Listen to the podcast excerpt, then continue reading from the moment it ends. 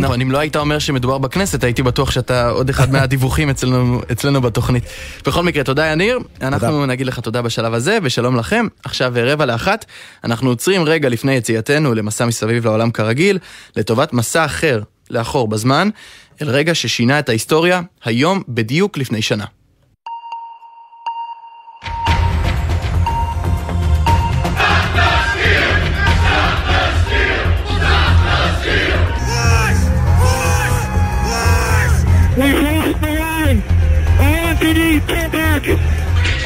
כך זה נשמע ב-6 בינואר 2021. בשעה שלוש בצהריים בוושינגטון, ההמון שהקיפו את גדרות מתחם הקפיטול הצליחו לפרוץ פנימה, לעקוף את האבטחה ולזרוע הרס כדי לעצור את מה שהם קראו לו הגניבה, The Steal, ומה שהעולם קרא לו הליך אישור האלקטורים. הכל כדי לשמור את הכיסא בחדר הסגלגל למנהיגם דונלד טראמפ. Now it is up to Congress to confront this egregious assault on our democracy. And after this, we're going to walk down, and I'll be there with you, we're going to walk down to the Capitol. באנו לדרוש מהקונגרס לעשות את הדבר הנכון ולספור רק את האלקטורים שנבחרו כראוי. קרא אז טראמפ מאחורי זכוכית משוריינת, בעצרת בה הכריז שלא יכיר בניצחונו של ביידן, וקרא לתומכיו לפעול. אני יודע, ואהיה שם איתכם, בקפיטול ממש היום. הקריאה הזו ידועה כיריית הפתיחה שטראמפ נאלץ להתמודד איתה אחר כך, בניסיון ההדחה השני שלו שכשל, ובוועדה החוקרת שממשיכה לעבוד עד היום.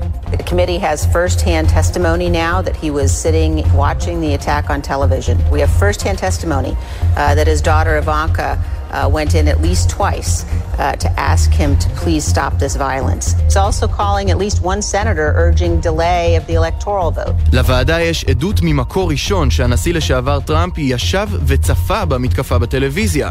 סיפרה השבוע הסנטורית הרפובליקנית ליז צ'ייני, סגנית יושב ראש הוועדה החוקרת, והמשיכה, בתו איוונקה פנתה אליו פעמיים לפחות, וביקשה ממנו שיקרא להפסקת האלימות. היום, סקר חדש מראה כי קרוב למחצית האמריקנים חוששים כי תפרוץ מלחמת אזרחים בארצות הברית עוד בימי חייהם.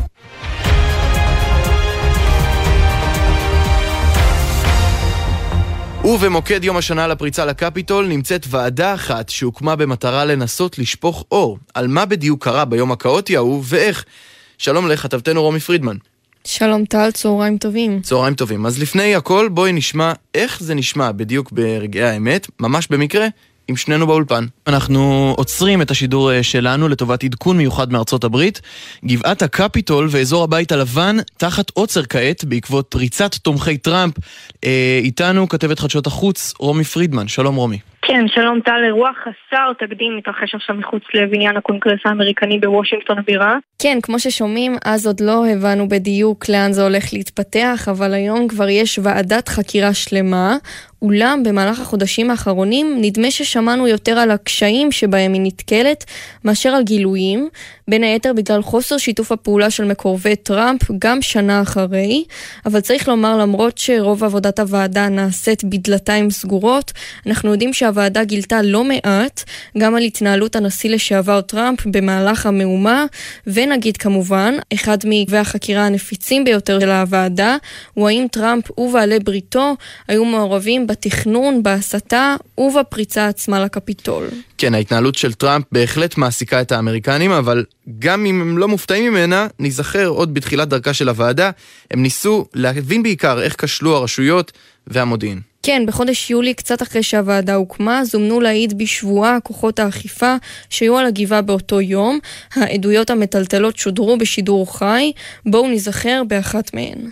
The writers attempted to breach the Capitol were shouting, pick the right side. We want Trump. I could feel myself losing oxygen and recall thinking to myself, this is how I'm going to die. defending this entrance. המתפרעים צעקו, תבחרו בצד הנכון, אנחנו רוצים את טראמפ, סיפר הסמל הקלינו קניל ממשטרת הקפיטול והוסיף, התחלתי להרגיש שאני מאבד חמצן ואני זוכר שחשבתי לעצמי, ככה אני הולך למות, להירמס כשאני מגן על הכניסה. נגיד רומי שאחר כך התבררו הכשלים בהעברת המודיעין בין הגופים השונים, כמו ה-FBI והמשרד לביטחון המולדת, וכעת רומי, פניה של הוועדה קדימה, ובדוח הביניים שצפוי להתפרסם בקיץ, אמורות להיכלל גם המלצות שימנעו מהאירוע הזה לחזור על עצמו. נכון, טל, אבל צריך לשים דגש על המילה המלצות.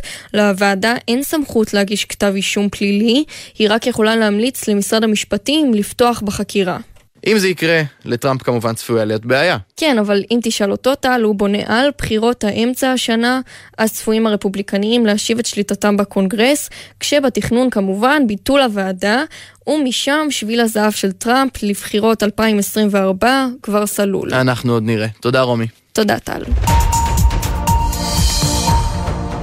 מההיסטוריה אנחנו חוזרים אל מה שקורה עכשיו. קזחסטן, אחת המדינות העשירות ביותר בנפט, בוערת. כבר שבוע שמאות אנשים יוצאים שם לרחובות במחאה על התייקרות הדלק ומוצרים נוספים. הבוקר מדווחת שם המשטרה כי עשרות מתפרעים חוסלו כהגדרתם. כתבתנו עומר עזרן, את מצטרפת עם הפרטים. שלום עומר. שלום טל, קזחסטן באמת סוערת, ועוד לפני שנתחיל, אולי כדאי לתת לה קולות לדבר בעד עצמם.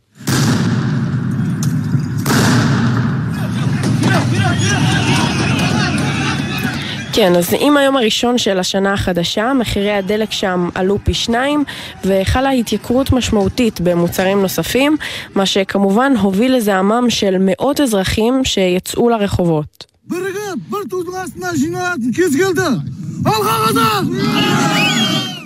גם המפגין הזה, טל, כמו רבים אחרים, קרא זה הזמן להיות מאוחדים, להתאחד תחת דגל אחד. ומולם, המשטרה ניסתה לדכא את המפגינים עם גז מדמיע ורימוני הלם, לאחר שההמונים פרצו לבנייני הממשלה, הפילו פסל של הנשיא הקודם, ואמש אף הצליחו להשתלט על שדה התעופה בעיר הגדולה בקזחסטן, אלמטי, ולהשבית את כלל הטיסות הנכנסות והיוצאות. החיבור לרשת האינטרנט נותק בחלק מהמקומות, והנשיא טוקייב הכריז על מצב חירום שאמור להימשך שבועיים ויכלול הגבלות על תנועת התושבים בזמן שהוא קורא להרגעת הרוחות.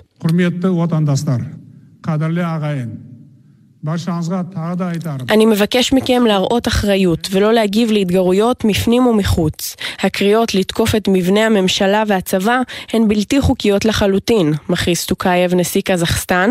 זה פשע שעלול לבוא אחריו ענישה. הממשלה לא תיפול, אבל אנחנו רוצים אמון הדדי והידברות ולא סכסוך.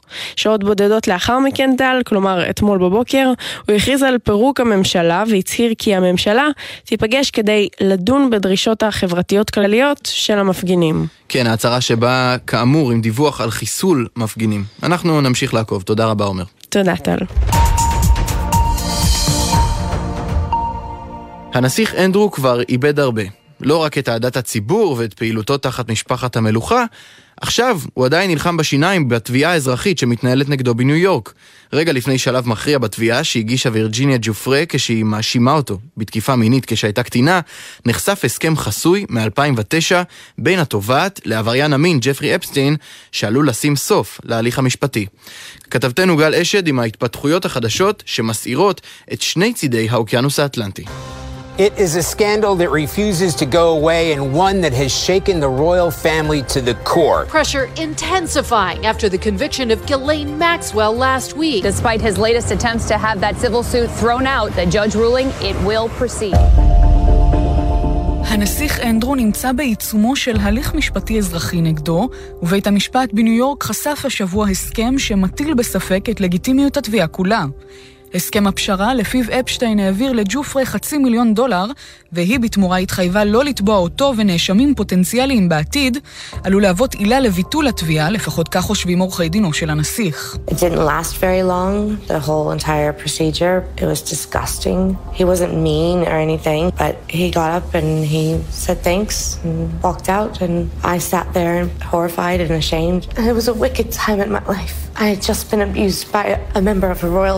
כל ההליך לא נמשך הרבה זמן, זה היה מגעיל אבל הוא לא היה מרושע. הוא אמר תודה והלך. שחזרה ג'ופרה את אחד המפגשים בהם לטענתה, הנסיך תקף אותה מינית כשהייתה בת 17 בלבד. נותרתי שם לבד, מפוחדת ומבוישת.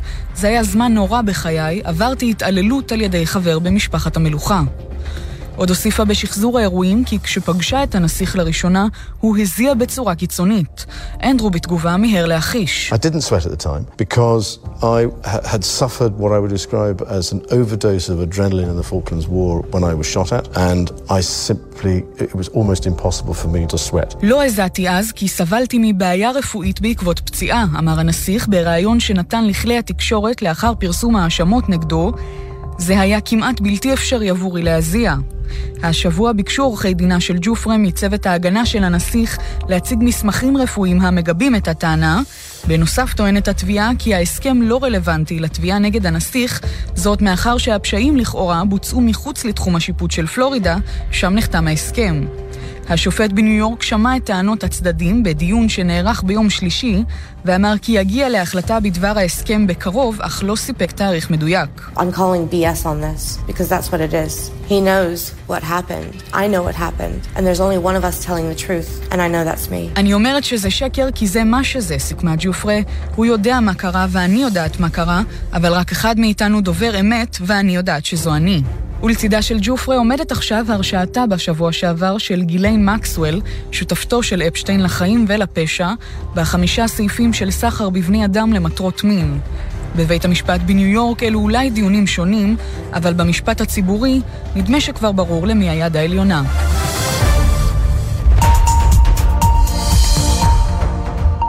וכהרגלנו לקראת סיום, נסיים עם אנקדוטה מוזיקלית. בינואר 2016 הלך מאיתנו דיוויד בואי, האיש שנפל מכוכב אחר ושינה את העולם שלנו לגמרי.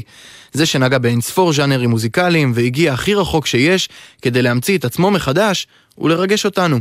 אחרי שחזר מהמסע הפרטי שלו בין כוכבים וחלליות, הוא החליט לשנות כיוון והוציא את האלבום Let's Dance, שהפך למצליח ביותר שלו בכל הזמנים. וכמו כוכב רוק אמיתי, בשמונה בינואר הוא חגג יום הולדת, הוציא באותו היום אלבום אחרון, ויומיים אחר כך נפרד מאיתנו.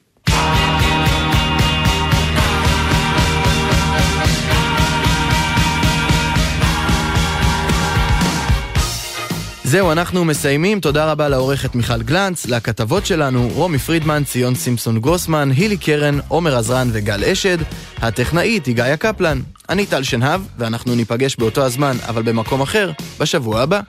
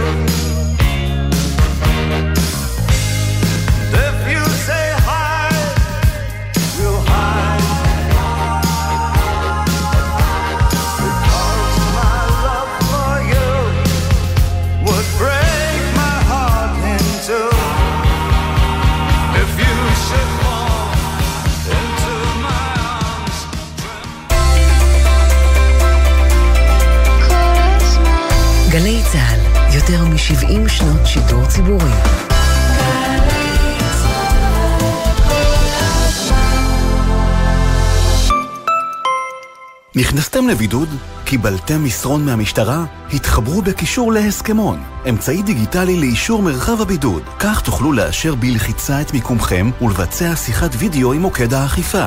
מאשרים מיקום, עונים לשיחה ונמנעים מביקור שוטר וקנסות מיותרים. הסכמון, רואים שאתה בטוח שם. מגישים המשרד לביטחון הפנים ומשטרת ישראל. הורים לתלמידות ותלמידים בכיתות ח' וט' שחולמים לחקור ולגלות את העתיד, עכשיו יש להם הזדמנות להשתלב בעולם המרתק של האקדמיה. ללמוד ולחקור עם מגוון החוקרים והמדענים בתוכניות למחוננים ולמצטיינים של משרד החינוך ומרכז מדעני העתיד של קרן מימונידיס. אירועי החשיפה בעיצומם, וההרשמה מסתיימת ב-16 בינואר. חפשו ברשת, מרכז מדעני העתיד. הנה הנבחרת של 2022 עולה למגרש. מזמן לא ראינו נבחרת מגוונת כזאת. מעניין מי יהיו הדירקטוריות והדירקטורים הבאים בחברות הממשלתיות. דירקטורים? כן, נבחרת הדירקטורים של ישראל יוצאת לדרך. רוצים להיות שחקנים מרכזיים בחברות ממשלתיות מובילות? רשות החברות מגבשת נבחרת חדשה ואיכותית של דירקטוריות ודירקטורים, וזו ההזדמנות להצטרף. הגישו מועמדות עד 31 בינואר באתר רשות החברות. לפרטים נוספים חפשו נבחרת הדירקטורים של ישראל. מיד אחרי החדשות, עידן קבלר ואורי אוזן.